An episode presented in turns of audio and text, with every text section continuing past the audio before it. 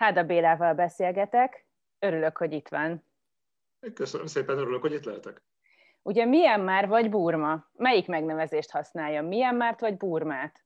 Alapvetően mind a kettő helytálló, ugye történelmileg is és a jelenkorban is. Ugye az ország hivatalos neve Myanmari Államszövetség köztársasága, és lényegében az ENSZ ezt elismerte, tehát hivatalosan nem csak az alkotmány szerint, hanem a nemzetközi érintkezéseiben is a Myanmar nevet használják. De egyes politikai csoportok, etnikai közösségek használják a Burma elnevezést is, mondván, hogy a Myanmar elnevezést az egykori katonai rezsim tette hivatalossá. Egyébként 1989-ben, ami milyen érdekes, hogy nálunk a nagy rendszerváltás volt, és ott meg éppen egy átnevezése egy államnak.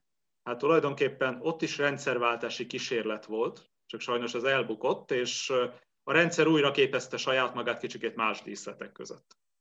Tehát akkor mind a kettőt használhatom, de ez azért is érdekes, mert 2007-ben az Egyesült Államok teljesen tudatosan nem beszélt még Burmáról, vagy Myanmarról, Burmát használt, és most ugye Joe Biden hozzászólt a konfliktushoz, és látom a hírforrásokon, hogy mindenki következetesen használja azt, hogy Myanmar a volt Burma, tehát hogy hiába telt el ennyi idő, még mindig emlékeztetnek erre a váltásra, és ez valószínűleg politika, nem?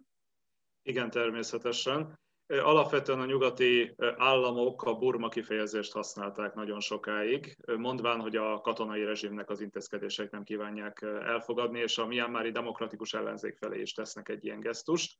De lényegében az oldódást követően, ugye 2011-et követően azonban kezdett egyre inkább elterjedni az a magatartás, hogy a államhivatalos nevét azt érdemes elfogadni, és nem érdemes ilyen típusú demonstrációkat folytatni ellene, úgyhogy igen, a nyugati politikai szóhasználatban is elterjedt már a Myanmar hivatalos név, amit néha összekötnek ezzel a, az egykori Burma vagy a történelmi Burma kiegészítéssel, ugye részben annak érdekében, hogy érzékeltessék ezt a kontinuitást. Most ugye, mi történt, én láttam róla egy nagyon érdekes videót, egy ott élő nő vette föl, a 444 hírportál egyik követője, és, és el is küldte a 444-nek, azt filmezte le, hogy éjszaka, ugye kijárási tilalom van, és éjszaka az emberek tehát nem mehetnek tüntetni azok ellen a politikai folyamatok ellen, amik most történtek Myanmarban, viszont csörömpölnek, ahogy tudnak. Mindenki csörömpölt az utcákon, egy ilyen kvázi hangzavart előidézve, ami egy ilyen demonstrációs eszköz.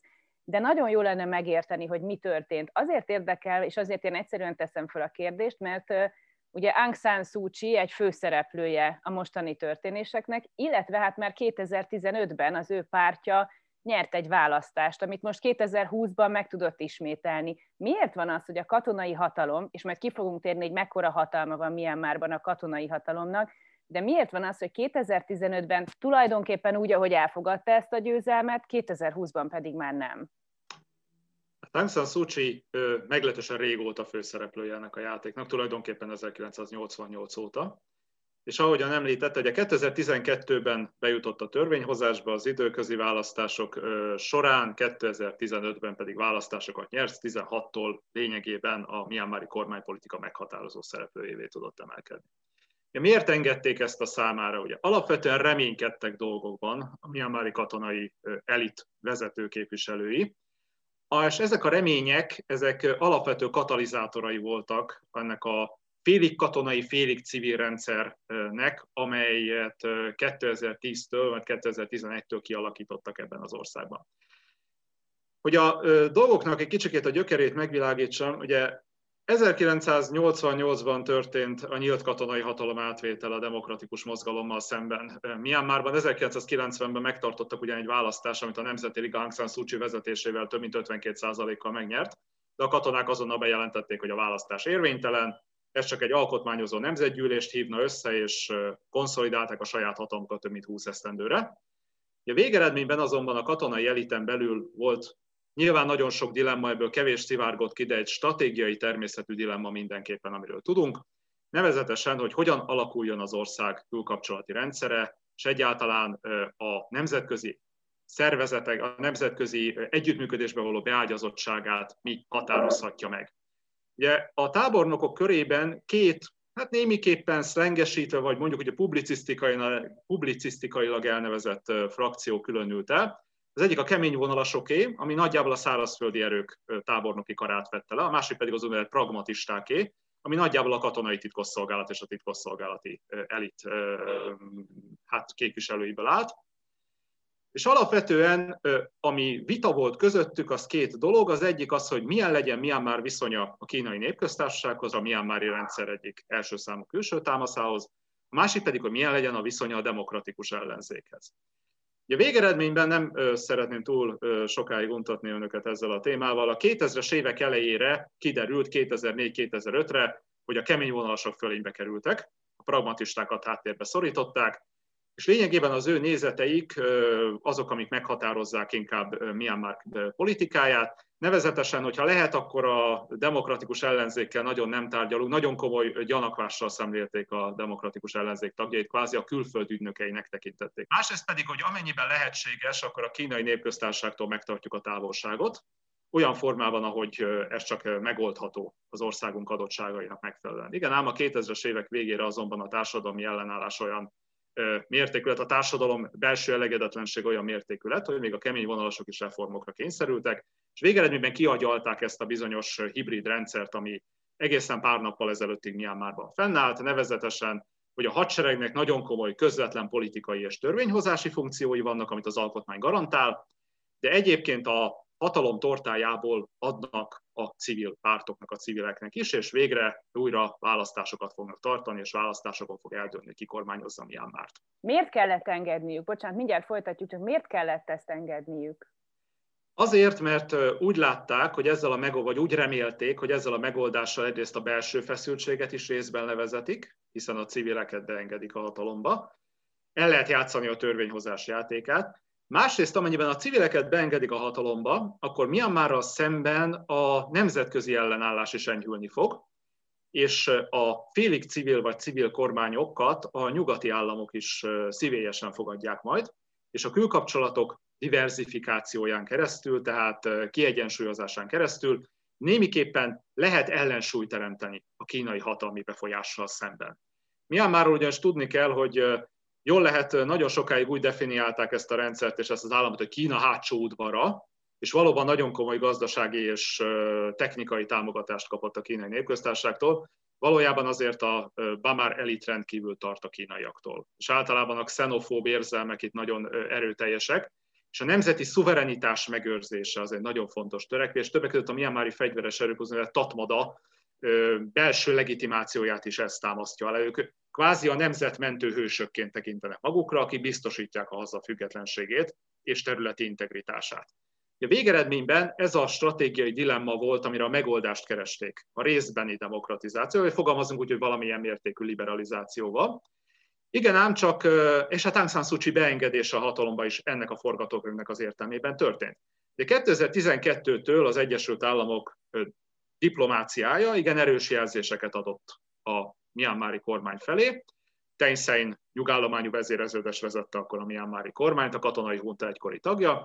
Találkozott többek között Hillary Clinton külügyminiszterrel, aztán Barack Obama amerikai elnökkel is több alkalommal is, és hát éreztették vele, hogy lehet valami ebből a nyitásból, tehát Amerika részéről ez a dolog rendben van, szeretnék, ha a demokratikus reformok zajlanának tovább, egyrészt, másrészt szeretnék, ha tudomásul vennék, hogy Aung San Suu Kyi egy nagyon komoly belpolitikai tényező, és tegyék lehetővé számára, hogy induljon a választásokon, és adott esetben komoly kormányzati szerepe is tudjon szertenni. Addig ugyanis olyan törvények voltak életben, amik ezt kizárták. Aung San Suu Kyi börtönbüntetés töltött egy ideig, a férje külföldi állampolgár volt, gyermekei külföldi állampolgárok, tehát ilyen jogszabályi kötöttségekkel kizárták a választáson való részvételből. Ezek egy részét feloldották vele szemben, és ahogy említettük, 2012-ben már bejuthatott a törvényhozásba, 2015-tel pedig hát lényegében választásokat is nyerhetett.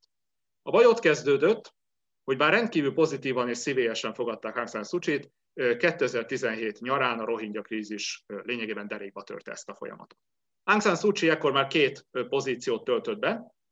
Egyrészt az elnöki hivatal mellett volt különleges államtanácsosi funkcióba. Elnök nem lehetett, de gyakorlatilag az elnökök az ő kezébe adták át a kormányzat közvetlen irányítását ezen államtanácsosi funkción keresztül, másrészt ő volt a külügyminiszter is, tehát a Myanmari diplomácia vezetője. Magyarán neki kellett volna valahogy eladni ezt a helyzetet a külföld felé, és megmagyarázni azokat a vádakat, amelyeket a hadsereggel szemben föltámasztott, és a Myanmari kormánya szemben föltámasztott ez a népírtó politika. Erre mindjárt szeretnék visszatérni, mert szerintem Aung San Suu Kyi szerepét részletesen kell tárgyalni, csak először érjünk annak a végére, hogy tehát akkor nem, nem hozta a várt eredményeket ez a nyitási politika gyakorlatilag, és ezért nem kellett 2020-ban már hagyni, hogy tovább erősödjenek a civilek?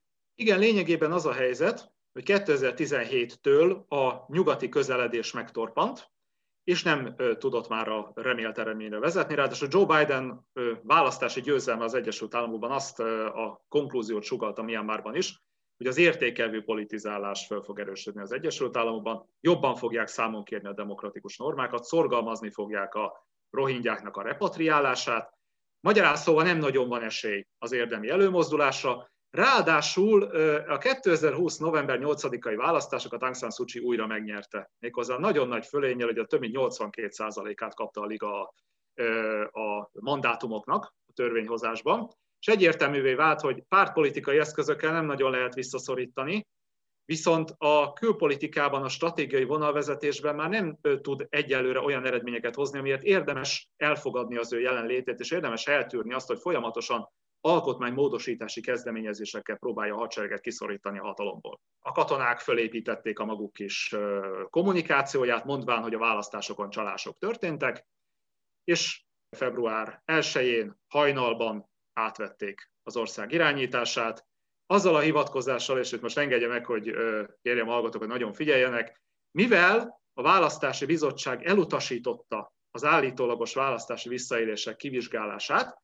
ezért a kormány alakítási kísérletet az alkotmány értelmében a hatalom erőszakos megragadásának kísérleteként értelmezik, és ők, mint az alkotmányosság őrei, ennek védekezéseképpen erőszakkal megragadják a hatalmat. Uh-huh. Kilátásba helyezték annak az alkotmánynak a hatályon kívül helyezését is, amelynek a védelme érdekében megragadták a hatalmat. Igen érdekes érvelés. A történelemből most hirtelenjében nem tudnék fölidézni hasonlót Közép-Európa történetéből, pedig nálunk is nagyon sok kreatív elme dolgozott a múltban. Egy kicsit beszélgessünk arról, hogy milyen ez a katonai hatalom, hogy mekkora hatalma van a katonaságnak, mert ugye katonai diktatúráról beszélünk, és éppen ez, amit az előbb elmondott, hát ez is bizonyítja, hogy egy katonai diktatúra teljesen, teljesen irracionális érveléssel magához tudja ragadni a hatalmat. Tehát, hogy a katonasságot hogyan próbálta Aung San Suu Kyi kiszorítani a hatalomból, mi az a hatalom, ami van nekik, ami adott, akkor is, ha nem nyernek választást? De azt szoktuk mondani általában, hogy Myanmar vagy Burma középkori megalakulása óta lényegében a katonák állama. Tehát itt az erőszakkultúra nagyon erőteljes, és általában véve 1948-as függetlenné válásától kezdve, az ország 1948-as függetlenné válásától kezdve a Tatvada alapvető belpolitikai erőként van jelen, mint a legintaktabb nemzeti szervezet. A végső soron a 2008-as alkotmány ennek a hadseregnek, mint mondottam, különleges politikai funkciókat és hatásköröket biztosít. Ugye ilyen például az, hogy a törvényhozás egynegyedét a vezérkari főnök nevezheti ki. Tehát gyakorlatilag katonákból áll. Akkor is, ha nulla szavazatot kapnak a választásokon. Nem is kell szavazni rájuk. Tehát ez automatikusan a vezérkari főnöknek a diszkrecionális joga, hogy a törvényhozás egy negyedét gyakorlatilag bele, bepakolja a katonákból feltölti. Ez igaz az alsóházra, felsőházra, és igaz a regionális tagállami parlamentekre is. Ugye Burma vagy Myanmar hivatalosan egy föderális állam, ugye hét állam, autonóm állam létezik az ország területén. Ezek a Hlutahok úgynevezett gyűlések egynegyede szintén a katonákból áll. Igen ám, de a kormányon belül is vannak kötelező katonai funkciók. A védelmi miniszter, a belügyminiszter és az úgynevezett határtérség ügyeivel foglalkozó miniszter, az kötelezően katona, akit a vezérkari főnök szintén az elnökkel egyeztetve nevez ki, felmentésük szintén csak is a vezérkari főnök jóváhagyásával lehetséges, és egy hasonló mechanizmussal lehet őket pótolni magyarul. Az állami fegyveres erők továbbra is a hadsereg ellenőrzése alatt állnak Aung ezért nem tudta senki megvédeni a mostani pucstól sem, mert a katonák ellenőrizték minden fegyveres erőt. Tehát tulajdonképpen a katonák ellenőrzik önmagukat, és kinevezik önmagukat bizonyos pozíciókba, ilyen értelme leválthatatlanok. De ezen túl, ami persze egy demokratikus értékrendel felfoghatatlan berendezkedés, de ezen túl a katonaság civilekkel szembeni, vagy állampolgárokkal szembeni agressziója például Én úgy olvastam, hogy csitult, tehát mondjuk például a mostani pucs is, valahol azt olvastam, hogy azért volt érdekes, mert viszont senkit nem vittek el éjjel meglepetésszerűen, nem tudom, kínzások között, hanem akit el is vittek, azt is úgy vitték el, hogy például vihetett magával ruhát vagy élelmet, ami jelzi azt, hogy valami mégiscsak megváltozott a pozíciójában. Vagy tévedés? Én azt gondolom, hogy alapvetően ők is tanulnak. Ugye egyrészt a jelenlegi pucsot egy másik generáció hajtotta végre. Ugye a korábbi katonai uralom, a korábbi katonai hunta tagjai, azok már igencsak a 80-as éveiket tapossák, aki még él közülük, ez a második vonalbeli gárda, ez most ilyen 50-es, 60-as generáció tagjait fedi le. Ugye ők lényegében azért tanultak valamennyit az elődöknek a hibáiból, és valamennyire alkalmazkodnak a kor viszonyaihoz. De az alkotmányosságra, a jogvédelmére hivatkozva hajtják végre ezt a pucsot, és addig, amíg nem kényszerülnek arra, hogy erősebb repressziót alkalmazzanak, addig láthatóan ettől hajlandóak eltekinteni. Ő nem említette, hogy a társadalom meglehetősen kreatív módokon próbálja kifejezésre jutatni a nem tetszését. Bizony a burmai népesség is tanult a korábbi évtizedekből, és alapvetően a fegyveres erőkkel való erőszakos szembenállás az számára nem igazán jó, nem tűnik igazán jó húzásnak. Éppen ezért a polgári engedetlenség és ezeknek a kreatív tiltakozásoknak a különböző formái azok, amiket az elmúlt napokban láthatunk. Ugye tiltakozások mindig voltak, különböző mértékű tiltakozások. Az egyik leghíresebb az a sáfrány színű forradalom, amiről azt kell tudni, hogy se nem sáfrány színű, se nem forradalom igazából. Ha jól tudom, a buddhista papok indították el azzal, hogy nem fogadtak el valamiféle ajándékot, ami a visszautasítás már önmagában egy olyan gesztus volt, ami felperzselte a kedélyeket, és aztán meg talán az üzemanyagár támogatásának a hiánya, megszüntetésére rátett egy lapáttal, és akkor jöttek az állampolgárok is. Ez volt a legerősebb ellenállás a katonai diktatúra történetében? Ez egy 2007-es megmozdulás. ez egy 2007 nyári eseménysorozat, illetve őszre átnyúló eseménysorozat. Valóban, ugye ez volt tulajdonképpen a legerőteljesebb társadalmi mozgalom a katonai hunta uralmával szemben ezekben az évtizedekben, de csendesen meg kell jegyeznem, hogy ez is elbukott. Tehát a katonák igen gyorsan elkezdték tömegesen letartóztatni a szerzeteseket, aztán a polgári lakosság hangadó részét, de ez az úgynevezett sáfrány forradalom, ami a teraváda buddhista szerzeteseknek ez a sötét narancsszínű hát palástjáról kapta, ruházatáról kapta a nevét. Tehát lényegében ez a sáfrány forradalom azért adott egy kritikus lökést a alkotmányozó munkának. Ugye, mint említettem, a belső társadalmi elégedetlenség növelés, növekedése a kemény vonalasokat is arra ösztönözte, hogy valamit engedjenek, és a sáfrány forradalomtól számítjuk lényegében azt a folyamatot, ami a 2010-es választásokig és a 2011-es, hát általam elég esetlen kifejezése félrendszerváltásig vezetett. Ugye lényegében ez egy jelentős lökést adott, mint mondottam, de megdönteni a katonai hatalmat, mint olyant nem tudta. És ez azért egy nagyon alapvető tapasztalata a Myanmari társadalomnak, hogy a hadsereg egy nagyon ütőképes szervezet, a belső társadalmi mozgalmak nem igazán tudják meghátrálásra kényszeríteni. Miközben nagyon érdekes is, mert hogyha kívülről szemlélve úgy tűnne, hogy miért tűri egy nép az elnyomóit, akkor azért a, a burmai történelem az tulajdonképpen megmutatja, hogy nem igazán tűri, tehát hogy mindig vannak nagyobb megmozdulások, csak nyilván az, hogy hány ember életét ér egy forradalom, az egy nagy kérdés, mert hogy azért mégiscsak sorozatban nyert de, demokratikus erő, vagy féldemokratikus, de minden esetre Aung San Suu Kyi alapította párt, tehát hogy mintha a burmai társadalom, és hát ahogy említette, 82%-ban a legutóbbi választáson, mintha a burmai társadalom igényelni ezt, mégsem tudja a katonai diktatúrával szemben megvalósítani, nem? Igen, a burmai társadalom egy jó részében van igény erre. Ugye Aung San Suu Kyi pártjának, a Nemzeti Ligának a győzelme, lényegében ezt jól kifejezi, de tudni kell azért, hogy a Nemzeti Liga egy integráló, ha úgy tetszik, elnyő szervezet. Tehát aki nem szereti a katonákat, és nem egy etnikai pártra akar szavazni, hanem egy országos, kvázi demokratikus szellemiségű erőre, az a Nemzeti Ligára szavaz. Tehát ez a bizonyos kiemelkedő választási eredmény ezzel részükről lenne köszönhető.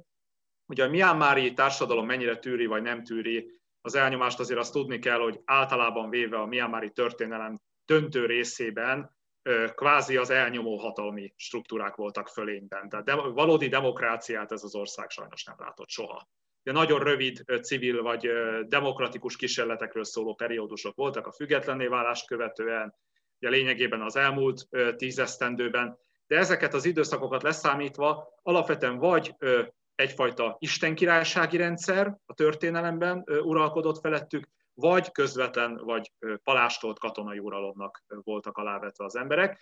Éppen ezért egyébként ez a viszonylag kevéssé demokratikus, de mégis választást engedő rendszer, ami az elmúlt tíz évben létezett, ez azért szimpatikus volt a számukra. Tehát valóban tapasztalat, hogy ők igénylelték ezt, és élmény volt az egy átlagos miámári választópolgárnak, hogy végre valamiről megkérdezik egyáltalán, és megkérdezik arról, ki kormányozza az országot. Ugye ebből a szempontból, hát ha úgy tetszik, akkor vállal bizonyos kockázatot a katonai elit, ahogy én azt mondani szoktam, az előttünk álló hetek, hónapok megmutatják, hogy a társadalom milyen erőteljes ellenállás fog velük szemben kiváltani, és ez egyébként döntően fogja befolyásolni azt is, hogy hogyan fog alakulni a politikai jövő. Milyen formában fogják a katonák a saját érdekeiket érvényre jutatni, helyreállítják a közvetlen katonai uralmat, most leginkább úgy tűnik, hogy erre van törekvés, vagy megpróbálnak újra pártok mögé visszamenekülni, és fölépíteni egy katonai hátterű pártot, és valamilyen módon győzelemre segíteni egy majdani választáson olyan nagyon-nagyon sokat azért csak nem kockáztatnak azzal, hogy az alkotmányban rögzítve van, hogy a nem tudom, képviselői helyek bizonyos százaléka, bizonyos pozíciók automatikusan az övék, tehát az egy alkotmánymódosítás kellene, ami nyilván egy még nehezebb dió. De térjünk rá Aung San Suu Kyi-ra. Aung San Suu Kyi-nak a nevéről szerintem nagyon sokan hallottak, én, ahogy írtam is önnek, amikor leveleztünk, hogy ezt a beszélgetést elkészítsük, nekem például egy nagy élményem, amikor a YouTube nevű együttes egyik koncertjén voltam, és ott ilyen Aung San Suu Kyi állarcokat osztogattak a világbéke nevében. Ez egy nagyon izgalmas találkozás volt nekem a burmai politikával, de aztán, ahogy utána néztem, azért Aung San Suu Kyi nem gyökértelenül csöppent bele a burmai politikába, hanem neki már az édesapja is politikus volt, egyrészt, ez is egy fontos dolog, és ő is ilyen demokratizáló értékrendet vallott, másrészt pedig azért egy nagyon furcsa és kettős megítélésű figura lett. Nagyon sokáig a nyugat egyértelműen úgy tekintette, hogy ő a demokratikus változás arca, rengeteg díjjal kivélelték, mindenhol díjakat kapott tényleg, amerre járt a világban, és mi történt? Épp 2017 után a rohingyákról külön fogunk beszélni, csak hogy a rohingya válság következtében egyszer csak visszavonták tőle a kanadai tiszteletbeli állampolgárságot, visszavonták tőle a neki adott díjakat, nem is egyet, az Amnesty International is visszavont tőle díjat, szóval, hogy most ő tulajdonképpen az ő megítélése nagyon ambivalensé vált. De ki ez a nő, aki ilyen spektrumot jár be a, a nemzetközi politikában? Aung San tábornok, Aung San Suu Kyi édesapja lényegében a burmai függetlenségi mozgalom hőse volt, és leeső számú vezetője. Politikai merénylet áldozatául esett, így aztán végül nem tudta érdemben menedzselni hazájának független politikai kibontakozását, de általában véve egészen a legutóbbi időkig Myanmarban őt tekintették a modern, független Myanmari államatjának, részben a brit gyarmatosítókkal szemben, részben pedig a japánokkal, a japán második világháborúban a japán megszállókkal szembeni küzdelmére támaszkodva. Aung nagyon sokáig az első számú modern történelmi alak volt, a legbecsültebb modern történelmi alak volt Burmában vagy Myanmarban, hogy olyannyira például, hogy a Myanmari valutának, a kiátnak a bankjegyeire is általában az ő portréját nyomták. Ezt csak azért mesélem el, hogy amikor Aung San Suu Kyi fellépett a katonai uralommal szemben, és megpróbálta maga demokratikus elképzeléseit érvényre juttatni, a 90-es években végrehajtották a Kiátnak a reformját, és Aung Sannak a portréja kezdett eltűnni ugye a bankjegyekről, és más szimbólumokat helyeztek oda.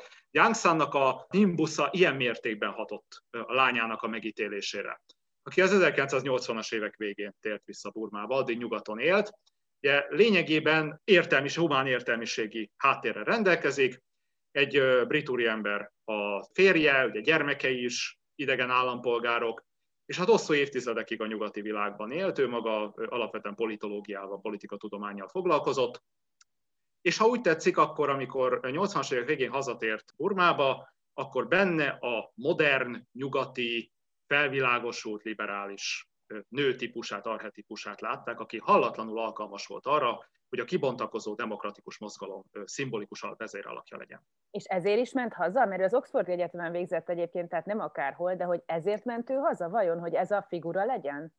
Hát, hogy ez a figura legyen-e, az egy nagy kérdés, hogy ez mennyire volt neki lényegében egy ilyen vágyott szerep, de tény és való, nagyon hamar a politikai, belpolitikai mozgalom élére állt. A Nemzeti Ligának a vezér alakjaként És tulajdonképpen ő volt az, aki megjelenítette ezt a burmai demokratikus küzdelmet, ugye újkori burmai demokratikus küzdelmet a külföld felé, olyannyira, hogy nagyon hamar a katonák első számú ellenségeként, ellenfeleként kezdett definiálódni. És végeredményben, amint említettem, 1990-ben a választásokon elsőkről győzelmet arat, de egy percig sem engedik őt a kormányrúthoz, és illegalitásba kényszerül olyan értelemben, hogy folyamatosan rendőri zaklatásnak, illetve igazságszolgáltatási zaklatásnak van kitéve, különböző vádpontokban bűnösnek találják, időről időre börtönbe zárják, majd házi őrizetbe helyezik, és próbálják őt megtörni. Ugye mártírt nem akarnak belőle csinálni, tehát... Mint az apjából. Természetesen, tehát lényegében az életét nem teszik úgy kockára, hogy, hogy egyértelmű legyen a katonák felelőssége ebben, de próbálják valahogy háttérbe szorítani, megtörni, és hát a katonai diktatúra, a katonai hunta az első számú ellenfeleként definiálja őt.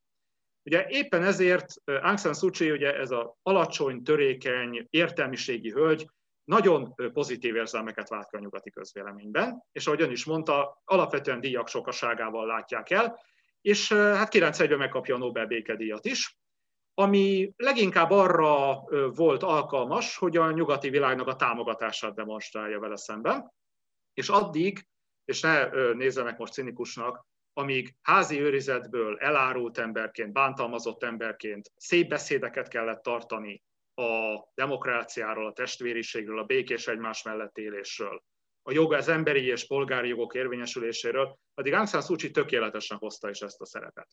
De amikor 2016-ban kormányra kerülhetett, akkor sajnos egy más típusú probléma került előtérbe, nevezetesen, hogy a hölgy akkor már 70 éves volt, és soha életében valójában még egy települési önkormányzatot sem vezetett, tehát érdemi politikai tapasztalata neki nem volt.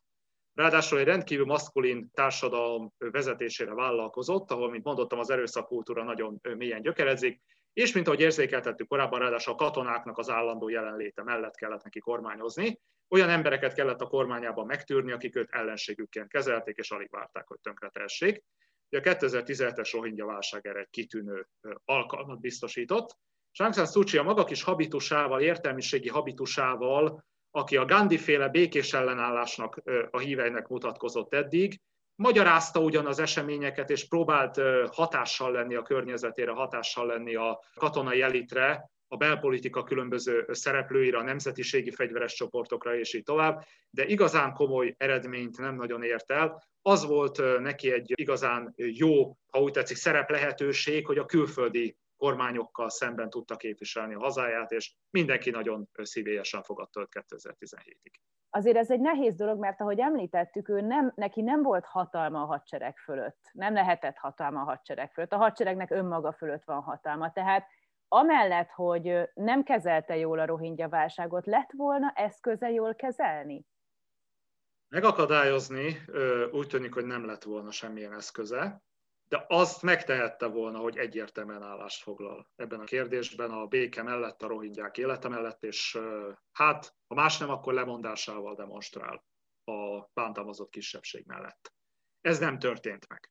Hogy miért nem történt meg, arról van némi vita. Ugye van, aki azt mondja, hogy burmai Bamár lévén, buddhista lévén maga Aung San Suu Kyi sem szimpatizált túlságosan a dél-ázsiai származású muszlim vallású kisebbséggel.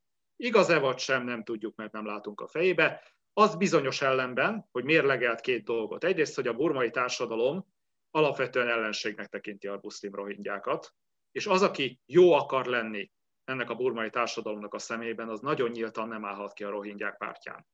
A másik pedig az, hogy bizony a demokratikus, vagy fogalmazzunk úgy, hogy a antimilitarista mozgalom természetes szövetségese, a Miamári Theravada buddhizmus szerzetesi közössége és papi elitje szintén nagyon erőteljesen rohingya ellenes, olyannyira, hogy 2012-től ez a szerzetesi közösség uszítgatta például az arakáni buddhistákat a rohingyák ellen, és bizony-bizony ez a papi réteg, ez egyetért azzal, ami a rohingyákkal szemben történik, és ha az ő szövetségüket meg akarja őrizni, akkor szintén nem tanácsos ezzel a dologgal nagyon szembe mennie. Beáldozta ezt a marginalizált és, mint mondottam, Myanmarban gyűlölt és lenézett kisebbséget annak érdekében, hogy belpolitikai jövője legyen. Bármennyire is nem szép ez. Ugye tehát ez az a pont, ahol ütközik a belpolitikai érdek, a globális érdeke, de beszéljünk egy kicsit a rohingyákról. Azért kérdezem ilyen nagyon egyszerűen, hogy ők hogy kerültek oda, Mert egyébként azért Burmáról azt, azt fontos tudni, hogy mivel volt gyarmat is például, mondjuk a brit-india gyarmata, ezért nagyon sok indiai volt egy időben az országban, most nem tudom milyen az arányuk, de Kínáról még fogunk beszélni, de van egy nagyon tetemes kínai kisebbség ebben az országban. Laknak itt tájok, szóval nagyon sokféle népesség lakik itt. A rohingyák mikor kerültek ide? A rohingyák eredetéről meglehetősen mély viták vannak, amelyek alapvetően politikai, identitáspolitikai és belpolitikai szempontoknak vannak alárendelve. Ugye a rohingya népességről azt érdemes tudni, hogy alapvetően az észak-nyugati Arakán állam egyértelműen dél-ázsiai vonásokat mutató, több, túlnyomó többségében szinte teljes egészében muszlim vallású lakossági csoportjait értjük alatta. Ugye ennek a bizonyos Arakán térségnek, ennek a történelemben is volt egy muszlim lakossági közössége, de valószínűleg iráni, illetve közel-keleti gyökerekre támaszkodik. Ugye ezek a muszlim közösségek a brit gyarmati korszakban kaptak egy hatalmas nagy vérfrissítést. 1886 után a britek befolyása megszilárdul a térség fölött, és az a brit gyarmati hatalom egyrészt ellenségnek, másrészt egy alsóbrendű tényezőnek tekinti a burmai elitet, és a indiaiakra támaszkodik, illetve egyes kisebbségi csoportokra támaszkodik a gyarmati adminisztráció kialakításában. Igen nagy létszámú indiai lakossági csoportok érkeznek eztán a szubkontinensről Myanmar területére, Többek között fölbirtokosok lesznek, ugye a legtermékenyebb vidékeken szereznek maguknak fölbirtokot, egyrészt, másrészt pedig az agrármunkások, az ültetvényi agrármunkások. Ugye a rohingyák alapvetően az utóbbiak leszármazottainak tekinthetők. Ami bizonyos a részükről, hogy a nyelvük alapvetően a bengáli nyelv csittagungi nyelvjárásával rokon, vagy azzal lényegében azonos, tehát tulajdonképpen valóban bangladesiek, hogyha úgy tetszik a származásukat illetően. Az identitásuk, nemzeti identitásuk pedig lényegében már a Myanmari életükhöz kötődik, ugye gyakorlatilag Arakán, a Myanmari Arakán muszlim népességének az identitása lett a rohingya, ami elég furcsa hangzó szó, valójában rohangi embert jelent. A rohang ennek a térségnek a történelmi elnevezése az ő nyelvükben, semmi különös. De gyakorlatilag 1962 után már a független Myanmarban ezt a rohingya közösséget elkezdik idegennek tekinteni, az egykori gyarmatosító lakájainak, akik idegen bevándorlók, itt rátelepednek és a vérét szívják a buddhista többségű államalkotó nemzetnek, és hát különben is legjobban tennék, hogyha szépen felszednék a sátorfájukat és hazamennének Indiába, mert hogy ott van nekik a hazájuk. Az indiai földbirtokosokat hamar előzik a földjeikről, őket lényegében megfosztják a vagyonuktól, a rohingyák azonban maradnak a helyükön, és szépen fokozatosan jogfosztásnak néznek elébe. 1982-ben elfogadják Myanmar állam állampolgársági törvényét, amelynek keretében a rohingyákat megfosztják. Az állampolgárságtól gyakorlatilag hontalanná teszik. Myanmarban ma 135 különböző nemzetiségi csoportot ismernek el hivatalosan. Ebből olyan 8-12 a nagyobb lélekszámú. Köztük vannak olyanok, akik mindössze néhány ezer fős kisebb etnikai csoportok, közösségek, a rohingyák 1,3 millió fős közössége nem tartozott ezek közé az elismert nemzetiségi csoportok közé. De lényegében a rohingyák jogfosztása azt jelentette, hogy a legalacsonyabb státuszú munkák betöltésére van csak lehetőségük, megtűrt emberként viselkednek velük szembe. Közösségeik azonban igen nagy demográfiai dinamikát mutattak, ugye hagyományosan a dél-ázsiai nagycsaládi szervezetben élnek, aminek az lett az eredménye, hogy az elmúlt évekre szépen fokozatosan ebben a Rakini államban, hát olyan 50% körülére nőtt a rohingyák részaránya. A buddhista rakinik pedig elkezdtek aggódni amiatt, hogy netán a saját kis szövetségi államukban kisebbségbe fognak kerülni. De 2017-ben a Tatmada, a fegyveres erők, mint mondottam, megtalálta az ürügyet arra, hogy fellépjen a rohingyákkal szemben, és lényegében a rakiniknak tett gesztusként elkezdte kisöpörni a rohingyákat az ország területéről. Ugye lényegében az általam említett 1,3 millió fős rohingya kisebbségnek kb.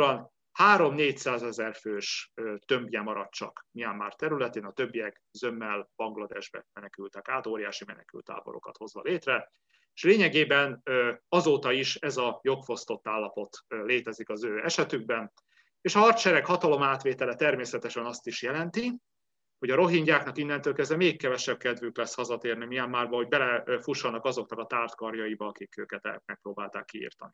Több dolog is eszembe jutott. Az egyik az, hogy most, ha nagyon sarkítom a kérdést, amit oly sok országban megfigyelhettünk már, hogy a hajdani gyarmatosításnak milyen következményei vannak aztán később a 20. vagy a 21. századra, szóval az a nyugat, amelyik most az emberi jogékért ágál, tulajdonképpen, hát hogy is mondjam, erősen szereplője ennek a helyzetnek a kialakításában. Ez csak egy első meglátás.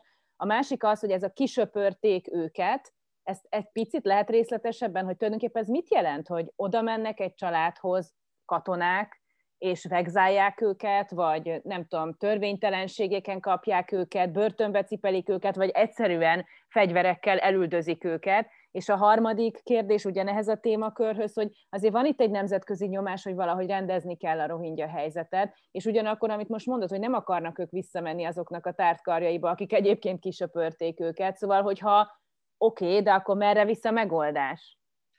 Ja, hadd ö, haladjak lépésről lépésre. Az első gondolatunk, igen, a brit gyarmatosító hatalom a dél-ázsiai gyarmatokon és a dél-kelet-ázsiai gyarmatokon is az etnikai ellentéteket és vallási ellentéteket nagy előszeretettel használta ki a saját hatalom technikai céljaira. És Indiában is, Sri Lankán is, Burmán is, Burmában is nagyon komoly aknákat hagyott maga mögött, ha úgy tetszik, ez az etnikai ellenségeskedésnek az aknáit amelynek következtében ugye a gyarmatosító politikának a következményeit mind a mai napig isszák ennek a levét a helyi társadalmak. A kisöprés az tulajdonképpen mit jelentett a gyakorlatban? A gyakorlatban úgy tűnik, hogy ez egy meglehetősen jól szervezett hadművelet keretében történt. Minden részlet mind a mai napig nem világos, de azért bizonyos nyomai elárulják a tényleges cselekvési sorozatot. Ez általában azt jelentette, hogy a Myanmari haderő egységei megjelentek a rohingya falvak térségében, ugye a rohingya népesség jelentős része falusi környezetben él.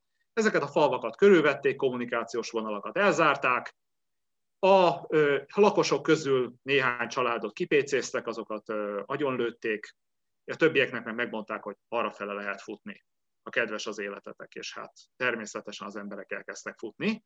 Ugye amikor ezt ezt végrehajtották, akkor a falvak egy jó részét felgyújtották, a házakat lerombolták annak érdekében, hogy ne legyen hova visszatérni ezeknek az embereknek, és természetesen a katonai műveleteknek híre is ment a vidéken, úgyhogy voltak olyanok, akik meg sem várták, hogy a hadsereg megérkezzen, hanem józan belátásból hamarabb, hamarabb úgy döntöttek, hogy távoznak. Az egyetlen valószínű, lehetséges és értelemszerű cél pedig a szintén muszlim többségű Banglades volt, ahol, mint említettem, egyrészt hittestvéreik élnek, a muszlim szolidaritásra appelláltak a rohingyák, másrészt pedig hát a nyelvet is azért viszonylag tűrhetően bírják, tehát volt lehetőség a kommunikációra is. Igen, ám csak Banglades egy nagyon szegény ország, és nem nagyon bírja elviselni ezt a rohingya menekült hullámot. Úgyhogy végeredményben megkezdődött a tárgyalás Banglades részéről a Myanmari kormányjal a rohingyák repatriálásáról. Eleinte a Myanmari kormányra nem volt, Aung San Suu Kyi volt erre különösebben nyitott, aztán érzékelve a nemzetközi nyomást, valamiféle megegyezések születtek, csak hogy a rohingyák nem láttak semmilyen garanciát arra, hogy nekik érdemes ide visszatérni. Egyrészt azért, mert, mint mondottam, otthonaikat jó részt elpusztították. Másrészt azért, mert a burmai buddhista többségű társadalomnak a meglehetősen lenéző és gyilkos hajlamai velük szemben nem változtak meg attól, hogy kötöttünk egy egyezményt Bangladessel. Harmadrészt meg az égvilágon semmiféle biztonsági garanciát magukra nézve nem látnak. Menekült táborba hazatérni pedig nem egy nagy, nem egy nagy üzlet. Ott Bangladesben is menekült táborban élnek, de ott legalább nem akarják őket meggyilkolni. Tehát tulajdonképpen, hogy hol van a megoldás, senki se tudja. A helyzet ugyanis az, hogy Jól lehet az iszlám országok meglehetősen szolidárisak a rohingyákkal szemben, de befogadni őket nem nagyon akarják. Tehát ez egy olyan társadalmi probléma lenne az ő számukra is, Dél-Kelet-Ázsia muszlim államai számára is, és a közel-kelet muszlim államai számára is, amit nem tudnak felvállalni. A legjobb az lenne nekik, hogyha a rohingyák hazatérnének és állampolgárságot kapnának, ez a folyamat azonban lényegében nem tart sehol. Ha úgy tetszik, akkor ez egy befagyott konfliktus és nem kell nagy jós tehetség hozzá, ahogy azt érzékeltettem is, hogy a jelenlegi katonai hatalom átvétel az nem igazán fog kedvezni a rendezésnek. Tehát a hadsereg úgy tetszeleg a buddhista többségnek a szemében, hogy ők azok a hősök, akik megszabadították a muszlim gazemberektől a buddhista nemzetet, hát most nyilvánvalóan nem fognak belekezdeni egy olyan akcióba, ami a rohingyák visszafogadásáról szól, és a bizalmat se tudják kiépíteni az irányukba. Igen, hát szóval sokáig elhúzódó válság lesz ez még, ez, ez most szerintem a legnagyobb humanitárius válság a világon körülbelül, ami, ami ott létrejött, és hát ez az, ami ellen Aung San Suu Kyi nem emelt szót, csak hogy így aztán tényleg érzékelje mindenki, hogy mi az, amiért az e-, egyébként szabadságért és együttélésért kampányoló főpolitikai arc nem, nem mondott semmit. Még van valami, amiről nagyon szeretnék beszélni, és ez az Amerikához, illetve Kínához fűződő viszonya Burmának. És Kína azért is különösen érdekes, mert tudom, hogy 15 előtt, vagy mondjuk, tehát még abban az időszakban, amikor nem volt olyan erős a liberalizációs szándék, akkor Kínával nagyon erős kapcsolatai voltak Burmának, fegyvervásárlás, nagyon sok pénzköltés, tehát hogy, hogy tényleg egy komoly kapcsolat. Aztán ugye előkerült a kérdés, hogy most akkor Amerika mennyire tud és akar ebbe beleszólni, már csak azért is, mert Kína egy nagyon feltörekvő gazdaság, hozhatnék ide most sok példát, de például a Covid helyzet is megmutatta, hogy Kína bizony érre tör, tehát hogy nem elégszik meg a második helyjel. Tehát van itt egy nagyon is geopolitikai kérdés, ami Myanmarban sűrűsödhet akár. És az sem egy lényegtelen dolog, hogy egyébként Myanmar területén belül egy jelentős kínai kisebbség van, tehát a belpolitikai céloknak ennek a kisebbségnek is kedveznie kell.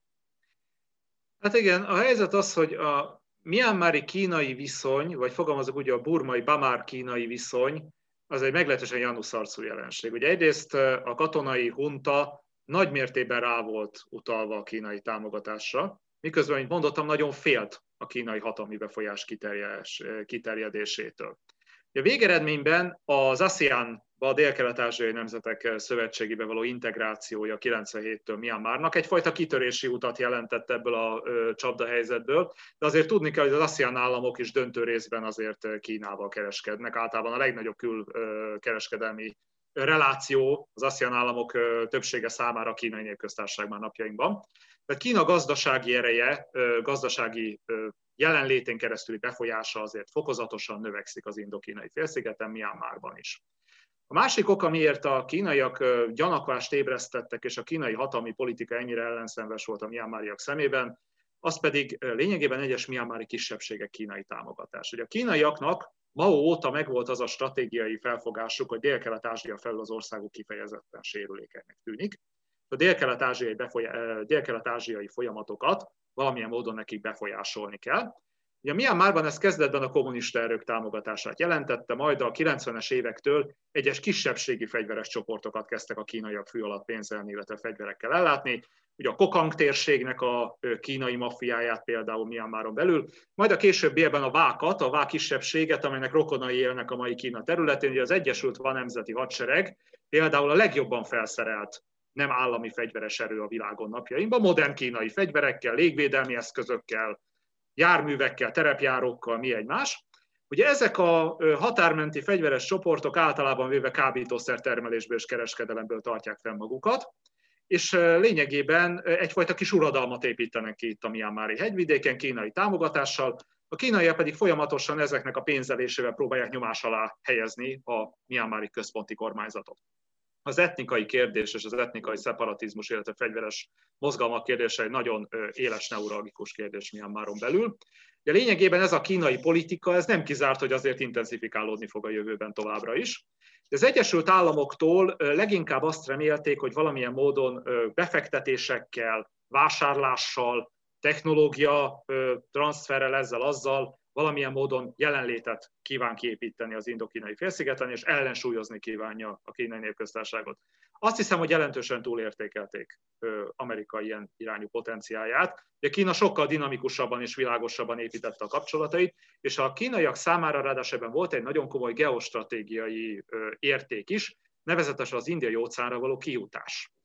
Ugye gyakorlatilag Kína egyik kapuja az indiai óceánra, ma Myanmar, és ráadásul az itt feltárt földgázmező, kőolaj és földgázmező, például a svegázmező, az kínai koncesszióban kerül kitermelésre, a kínai befektetéssel kezdték el a csővezetéket építeni innen kínai területre, tehát Kína energiahordozó importjában is fontos szerepet kezdett el játszani. Myanmar. Stratégiai jelentősége számára megkérdőjelezhetetlen, az amerikaiak viszont nem igazán dolgoztak ki egyértelmű Myanmar politikát, akarták a demokratizációt, nem tetszettek nekik a tábornokok, nem tetszett nekik ez a félig katonai jellegű alkotmány, de nem igazán adtak annyi mindent Myanmarnak, hogy megérje számukra ez a helyzet, ennek a helyzetnek a fenntartása. Ráadásul Kína ellensúlyozásához ez messze nem volt elegendő. Tehát ha úgy tetszik, akkor ez a kiegyensúlyozó stratégiai számítás úgy tűnik, hogy nem jött be. és Myanmarnak leginkább a lehetősége az ASEAN felé való további tájékozódásban érhető tettem. És ez nem is változhat, feltételezem Amerika politikája. Most sok mindenben változik meg, meg Joe Biden határozottan azt mondta, hogy követeli a demokratikus alakulásokat, de hogy, de hogy alapvetően ezek csak szavak. Joe Biden gyakorlatilag milyen Ázsia politikát fog folytatni, azt majd meglátjuk. a várakozás az az, hogy igen, a demokrácia kibontakozását és kiteljesedését fogja szorgalmazni, de hát azért látni kell, hogy Ázsiával összefüggésben az Egyesült Államoknak olyan erős stratégiai érdekei vannak, amelyek érvényesülése azért megköveteli, hogy időnként rugalmas legyen az amerikai külpolitika. Most nagyon diplomatikusan fogalmaztam. Tehát szükséges az, hogy azokat a politikai rendszereket is elfogadja az Egyesült Államok, amik nem feltétlenül demokratikusak, viszont érdekeik azonosak az amerikaiakkal. De Dél-Kelet-Ázsiában több ilyen is van, vegyük például Vietnámot, amely mostanában nagyon komolyan tájékozódik az amerikai kapcsolatépítés iránt, hogy valamilyen módon ellensúlyozza Kínát, és a dél-kínai tengeri konfliktusban megkapja az amerikai támogatást, miközben azért Vietnámot mondjuk úgy, hogy polgári demokratikus berendezkedéssel nem lehet vádolni. Az amerikaiak ezt kénytelenek elfogadni, és úgy tűnik, hogy erre hajlandóak is. Ugye a végeredményben, hogy hogyan fognak viszonyulni a Myanmari katonai rendszerhez, és annak egyáltalán, mint mondottam, milyen díszletei fognak kialakulni az előttünk álló hónapokban, egy évben, két évben, az még majd elválik. Egyelőre Myanmarban is azt várják, hogy Joe Biden kemény vonalasabb lesz, és szankciókat kilátásba is helyezett, de hát ezek viszonylag keveset érnek, mert, mint mondottam, azért a nyugati világnak a gazdasági jelenléteit meglehetősen szerény, és a növekedés perspektívái is inkább a kínai, illetve dél-kelet-ázsiai, kelet-ázsiai kapcsolatrendszerben láthatóak.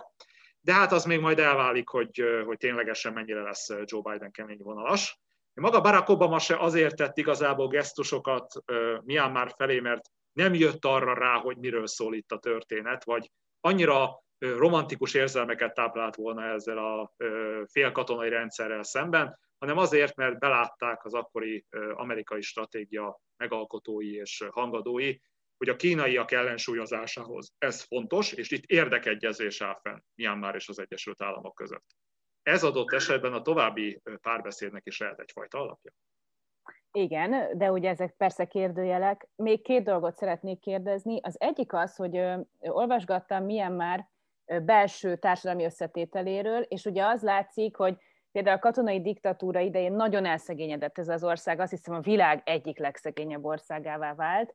Az is látszik az összetételben, hogy ugye végtelenül nagy a mezőgazdaságból élők száma, tehát hogy nem az ipar és nem a szolgáltatási szektor az, amelyik mondjuk pörgeti a gazdaságot, vagy adja a gazdaságot, ez mennyiben alakult át mondjuk az elmúlt öt évben? Tehát az a pici, most tényleg csak ilyen demokrata szempontból egy levegővétel az országnak, vagy éppen kivétel, nem tudom, csak hogy ez változtatott a társadalom struktúráján, ami változtathat az elvárt politikán is. Olyan nagy mértékben a társadalom struktúrája nem változtatott, mert azért ez egy hosszadalmas folyamat, és az idő ehhez kevés volt. Tehát valóban Myanmari társadalom mindamennyiük a Föld egyik legszegényebb társadalma. Ugye a különböző mutatóit, illetően ugye a szubszaharai Afrika társadalmaival mutat nagyon hasonló vonásokat. A Dél-Kelet-Ázsiában nagy nehezen az egyfőre jutó GDP-ben megelőzték Kambodzsát, mely szintén egy rendkívül szegény ország. Ugye ez a nem teljesen utolsó hely, ez valamelyes vigasztalhatja őket akarja, de még mindig Dél-Kelet-Ázsia egyik legszegényebb országáról beszélünk. És a Myanmari társadalom számára a külföldi befektetések jelentettek egyfajta iparosodás, illetve modernizációs lehetőséget. Ez egyes városi körzetekben meg is valósult. Japán, koreai, kínai befektetések érkeztek az országba, gyárak jöttek létre, összeszerelőzemek jöttek létre, az olcsó és hát alapvetően a kétkezi összeszerelő munkában hasznosítható Myanmari munkaerőre támaszkodva. Egyébként a Myanmari lakosság egy jó része miből él, az meglehetősen problémás, hiszen egy szürke meg fekete gazdaságnak a kategóriája, ami a megélhetését adja. Ez különösen igaz az etnikai fegyveres csoportok által uralt területeken, mint mondottam, amit a csempészkereskedelem, drogkereskedelem, különböző illegális áruk, fegyverek, tigris csontok, illegálisan kibányászott különböző bányászati kincsek, jáde, különleges faanyagok, kínai luxusipar által imádott különleges faanyagok, a kínai természetgyógyászat által imádott, de egyébként védett állatok lemészállásával járó termékek kereskedelme, ez adja sokaknak a megélhetési alapját. Ugye ebben olyan nagyon nagy előrelépés nem sikerült elérni, de látszott egyfajta olyan út, amely már jobban bekapcsolja a nemzetközi munka megosztásba, a termelési láncokba, és hát valóban voltak olyan cégek, akik vállalták azt, hogy Myanmarba telepítenek különböző gyártási vagy tevékenységi egységeket, annak érdekében, hogy az itteni rendkívül olcsó munkaerőt ki tudják használni. Ez azért érdekes, mert az elmúlt napokban születtek olyan jelzések, ugye főként a japán vállalatok részéről, hogy akkor most felfüggesztjük az itteni termelésünket, hogy így gyakoroljunk nyomást a katonai elitre. Szintén nem akarok bántó lenni, vagy cinikusnak látszani, de nekem az az érzésem, hogy számolni fognak az urak, és rájönnek arra, hogy megéri így termelni továbbra is. És valószínűleg a pénzügyi szempontok azok szépen lassan az eszmei szempontok fölé fognak kerekedni, és azok a gyártó létesítmények, amik Myanmarba települtek, azok szépen újra elkezdik a munkájukat, mert itt pénz jön létre, és ami pénz jön létre, ahol pénz jön létre, az egy jó hely. Hát azért érzek egy folyamatos kapitalizmus kritikát abban, amit mond, és hát igen, szóval a profit mindent felülír, mindenféle emberiességi, meg mindenféle... Ne legyen igazam. Nem, nem, nagyon láttam olyat, hogy a liberális kapitalizmus, a profitorientált liberális kapitalizmus változtatna meg országokat és rendszereket, mondjuk rá tud ülni hullámokra, de nem jellemző, hogy az élére álljon. És egy utolsó kérdés, ez a, esetleg egy kis jóslás, tehát hogy például Aung San Suu Kyi-nak milyen jövőt lehet jósolni. Ugye egyrészt idős, másrészt kiábrándította magából a nyugatot. A katonai vezetők nem hiszem, hogy jobban szeretik, mint korábban, elvitték börtönbe, azt hiszem valami tíz vókitóki birtoklásáért, amit elfelejtett levámoltatni, tehát hogy nyilvánvalóan ők jobban szeretnék valami zárt helyen tudni. Sokáig volt házi őrizetben, én arra gondoltam, hogy esetleg ez lesz egy ilyen megoldás, hogy kiengedik, de házi őrizetben lesz mostantól, ameddig él. Mit jósol neki? Aung San 76 éves már. Tehát igazából, ha a katonai rezsimnek sikerül megszilárdítani önmagát, az valószínűleg egy hosszadalmasabb uralmat fog jelenteni, tehát Aung San Suu az én nézetem szerint már nem sok esélye van arra, hogy visszatérjen a Myanmari állam kormányzásába.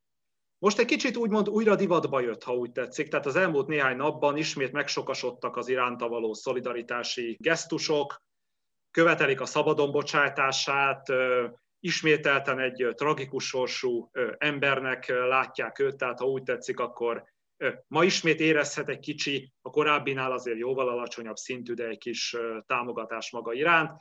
De én is azt gondolom, hogy alapvetően ő újra házi őrizetbe fog kerülni. Mint mondottam, Mártírt nem akarnak belőle csinálni továbbra se, de el fogják őt szigetelni, amennyire lehet. Én arra számítanék, hogy vissza fogják hozni azokat a jogszabályokat, amik kizárják az ő közvetlen politikai szerepvállását, a választásokon való indulását, hogy hivatkozza a külföldi relációira, és gyakorlatilag esetleg még erre a bizonyos pucskísérletnek maszkírozott húzására, hogy a kormány szeretett volna alakítani azok után, hogy 81%-at megszerezte a törvényhozásnak. Tehát végeredményben megpróbálják őt jogilag partvonalra tenni, házi őrizetbe fogják helyezni érzésem szerint, mert elég komolytalanok ezek a vádak, azért vegyük észre, tehát itt semmi olyasmi nem történt, amit ténylegesen egy komoly vádat föl lehetne építeni, de arra esélye, ha, ha az elkövetkező hetekben valamiért, valami általam egyelőre nem látott okból a katonai elit nem kényszerül visszavonulásra, és a civil kormányzás restaurálására ennek az esélye körülbelül csak matematikai eszközökkel fejezhető ki. Nem hiszem, hogy valaha is bekövetkezik az előttünk álló hetekben. Tehát ha csak ez rövid időn belül nem változik meg, akkor Aung San Suu Kyi-nak érzésem szerint már nem nagyon van esélye arra, hogy közvetlenül visszatérjen az ország kormányzásába. Befejezheti a politikai pályafutását úgy, hogy kicsikét hülyebb lesz önmagához és ahhoz a képhez, amit önmagából, önmagáról fölépített a világ közvélemény előtt az elmúlt évtizedekben. Köszönöm szépen, Háda Béla, hogy velem volt. Én is köszönöm szépen a lehetőséget.